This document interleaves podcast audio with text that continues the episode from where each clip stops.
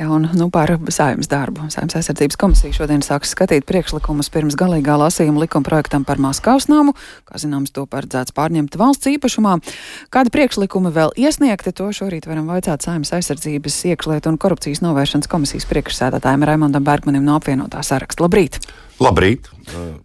Šorīt e, ir sākusies kara Ukrainā 685. diena. Nav par vēlu sākt lemt par Maskavas namu. Kas kavēja šo jautājumu pieņemt jau gara pirmajā gadā?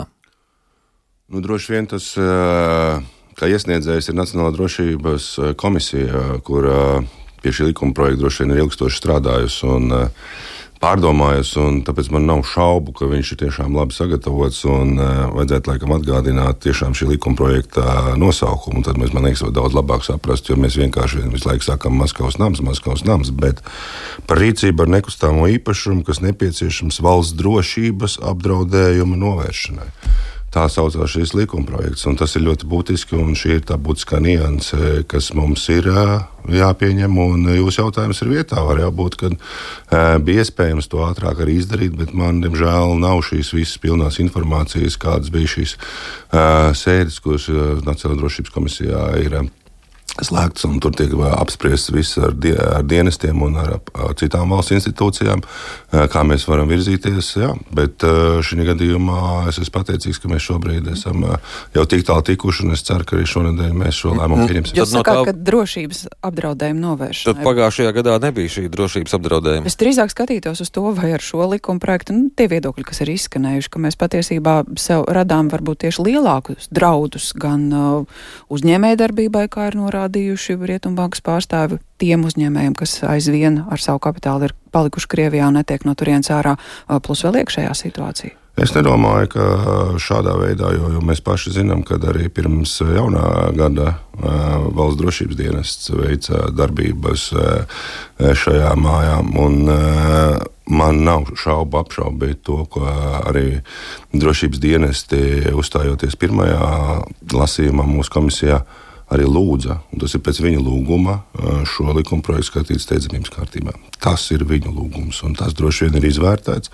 Mēs esam saņēmuši arī atzinumus no citām institūcijām, un man nav pamata uh, nu, neticēt tiem atzinumiem, kas ir saņemti mūsu komisijā. Bet, protams, jebkurā gadījumā mums vienreiz ir jāpieliek punkts šim stāstam, kas ir pietiekoši nopietns draudz mūsu Un kā jau arī daudz kur ir izskanējis, nu, tad arī demokrātijai ir jābūt spējīgai pašai sevi aizsargāt. Un tas ir liekas, tas galvenais, kas šajā gadījumā ir jāuztver ļoti būtiski. Un, um, par to, ka mums var būt dažādi e, nu, notikumi arī turpmāk. Mēs neko nevaram izslēgt. Nu, mēs nu pat dzirdējām arī par karu Ukrajinā, kā viņš ir virzījies un par šīm garantijām. Un Ukrainā jau bija garantijas Budapeštā 1994. gadā, kad viņa atteicās no savas valsts kodolieročiem. Bet, diemžēl, šīs garantijas neko nedēļ. Bet šīs pašas institūcijas, kas uh, mudina pārņemt šo namu, runā arī par tiem riskiem un atbildes soļiem, kas visticamāk būs no Krievijas puses. Kādi varētu būt šie soļi? Grūti spriest šobrīd, eh, kādi varētu būt šie soļi. Nu, situācijas jau gan jau modelē kaut kādas. Uh, jā, iespējams, ka varētu būt kaut kādi soļi, bet nu, šobrīd, lai mēs paredzētu, kādu rīcību veiks Krievijas federācija, nu, mēs neviens neparedzējām ļoti daudz lietas, ko Krievijas federācija ir veikusi šajos pēdējos gados. Un, tāpēc šobrīd man nav tādas sajūtas ka es varētu nomodelēt, kas tad būtu, kāds varētu būt, un vai vispār būs kāda atbilde no Krievijas puses. Bet, nu, kas ir tie priekšlikumi, kas vēl ir iesniegti tam galīgajam lasījumam un uh, valsts pārņem šo īpašumu, kas ar pašu īpašumu tālāk notiek? Uh, nu, tā kā likuma projektā ir rakstīts, tad uh, tur ir uh, šis lēmums jāpieņem uh, ministru kabinetam un jāiesniedz. Uh, saimā līdz 31. martam, ko darīs ar šo māju. Šobrīd ir iesniegti divi likuma projekta priekšlikumi. Bet cik man ir ziņas, tad iespējams, ka viņi varbūt arī tiks atsaukti. Es šobrīd, pirms notikusi sēde, es jums nevaru apgalvot, ka tie priekšlikumi vispār tiks skatīti. Tā kā tā māja vienkārši ir jāpieņem, runājot par nacionālo drošību, neskatoties, Jā. vai tur kaut kas notiks, vai tā vienkārši stāvēs tukša. Jā, iespējams, ka viņu nu, viens no risinājumiem, ko arī izteicies, ir Latkovska kungs, kā Nacionālās drošības komisijas vadītājs, ka iespējams, ka viņi varētu pārdot un kaut kādā veidā šos līdzekļus arī ieguldīt Ukrainas atjaunošanā. Kāds to māju vispār pirks? Nu, mums ir piemērs ar stūra māju, kur arī ko iesākt es, un kā to? Šis ir tas pats jautājums, ko jūs jautājat man par tām iespējamām uh, riskiem, kas varētu būt no Krievijas federācijas puses. Tā arī par šo jautājumu diez vai es spēšu jums atbildēt, uh, kāds būs. Bet, Es, man grūti spriest, tiešām, kāds būs lēmums, bet gan jau domāju, ministru kabinets spēs atrast šo pareizo pieeju un atrisināt šo jautājumu. Un, nu, visādā ziņā mēs varētu tiešām palīdzēt Ukrainai, kurai nu, šajās brīnās ir tiešām ļoti būtiski šis. Kaut vai, kā es teicu, simbolisks palīdzība, jo arī man pašam pagājušajā gadā esot saimnes delegācijā Ukrainā. Viņiem ir eh, ļoti nozīmīgi tādas lietas, kā piemēram, kad cilvēki tikai atbrauc pie viņiem. Un, eh, un, un arī šis būs liekas, ļoti simbolisks un svarīgi, ka mēs turpinām atbalstīt. Mēs, jo mēs redzam, ka nu, daudz kur cilvēki ir paguruši un noguruši. Un, nu, jau kā kaut kā visi ir sadzīvojuši ar to, un tas ir kaut kas tālu un tā, bet tas jau nekas nav beidzies. Katru dienu mēs dzirdam, tiek slepkavot cilvēki. Bet rīt tad saima lems par šī īpašuma pārņemšanu, tad pārņemšana notiks uzreiz pēc saimas lēmuma, ja tur ir kāds vēl periods. Līdz pārņemšanai. Nē, nu, tas ir tāds likums stājas spēkā nākamajā dienā pēc tā izsludināšanas. Kā valsts prezidents viņu izsludinās, tā viņš stāsies spēkā. Tad tūlīt, kā šī pārņemšana notiks? Nu, šobrīd bija aicinājums, kad viņu pārņēma un apsardz veids valsts policija. Uh mhm. -huh. Un tad ir kaut kāds periods, kamēr valdība izlemj, ko darīt. Jā. Bet kas būs ar citiem Krievijas īpašumiem? Uh, man ir grūti spriest, uh, jo nu, man nav šīs pilnās uh, ainas, kad tika analizēts un tieši kāpēc šis nāms ir pirmais un pār pārējām lietām.